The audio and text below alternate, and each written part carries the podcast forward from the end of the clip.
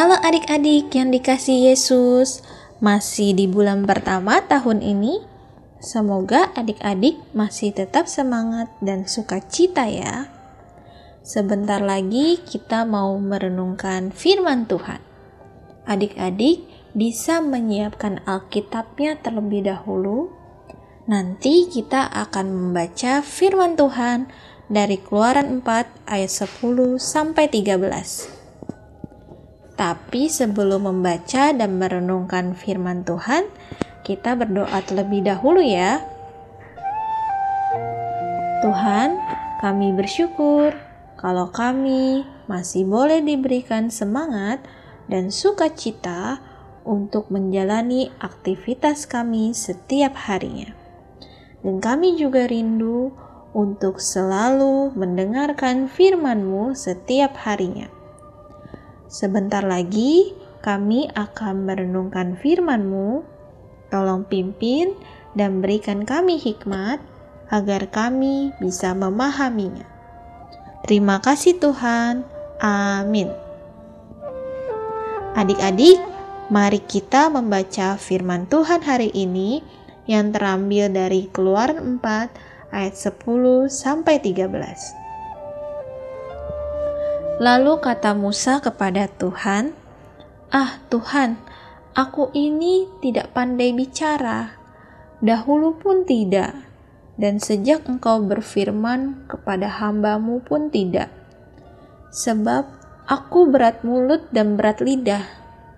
Tetapi Tuhan berfirman kepadanya, "Siapakah yang membuat lidah manusia? Siapakah yang membuat orang bisu atau tuli?" Membuat orang melihat atau buta? Bukankah aku, yakni Tuhan? Oleh sebab itu, pergilah, aku akan menyertai lidahmu dan mengajar engkau apa yang harus kau katakan. Tetapi Musa berkata, "Ah, Tuhan, utuslah kiranya siapa saja yang patut kau utus."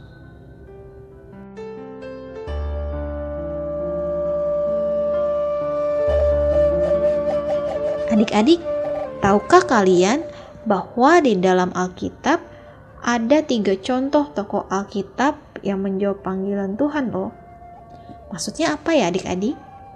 Jadi, Tuhan telah memanggil beberapa tokoh Alkitab untuk menjalankan tugas dari Tuhan. Tapi, tokoh-tokoh ini memiliki respon yang berbeda-beda adik-adik saat menerima panggilan tugas tersebut. Siapa saja ya tokoh tersebut? Yang pertama ada Bapak Musa. Adik-adik pasti tidak asing dengan Bapak Musa. Ya, Bapak Musa pernah memimpin bangsa Israel keluar dari Mesir. Tahukah adik-adik bahwa awalnya Bapak Musa menolak panggilan Tuhan karena Bapak Musa merasa tidak percaya diri dalam berbicara di depan banyak orang. Namun, Tuhan meyakinkan Musa untuk bisa menerima panggilannya. Tuhan menguatkan Musa bahwa Musa dapat berbicara di depan banyak orang dan memimpin mereka dengan bantuan kekuatan Tuhan. Sehingga pada akhirnya bangsa Israel berhasil keluar dari perbudakan bangsa Mesir. Lalu tokoh yang kedua siapa ya? Tokoh yang kedua adalah Bapak Yunus. Yunus di perut ikan pom pom pom. Nah, adik-adik pasti tahu lagu ini kan? Ya, benar. Lagu Yunus di perut ikan. Tapi kenapa ya Bapak Yunus bisa di perut ikan? Ya, awalnya Bapak Yunus diberi tugas oleh Tuhan untuk pergi ke Niniwe. Bangsa Niniwe pada waktu itu tidak menaati Tuhan, sehingga mereka membuat Tuhan menjadi sedih dan marah. Tapi karena kasihnya, Tuhan mau memberikan kesempatan kepada mereka untuk bertobat loh.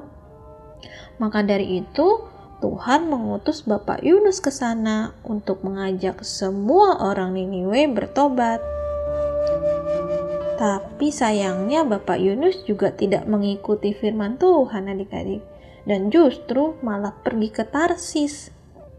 Akibatnya saat perjalanan menuju Tarsis, kapal yang dinaiki Yunus mengalami badai yang sangat dahsyat sehingga Bapak Yunus harus dibuang ke laut dan ditelan ikan.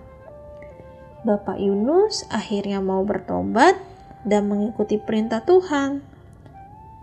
Lalu Tuhan mau membantu Bapak Yunus keluar dari perut ikan dan setelah itu Bapak Yunus pergi ke Niniwe menjalankan tugas seperti yang diperintahkan Tuhan. Sehingga pada akhirnya bangsa Niniwe bisa selamat. Ya, nah sekarang yang ketiga adalah Bapak Yesaya. Setelah masa kejayaan bangsa Israel yang dipimpin oleh Raja Daud dan Salomo, bangsa Israel menyimpang dari Tuhan.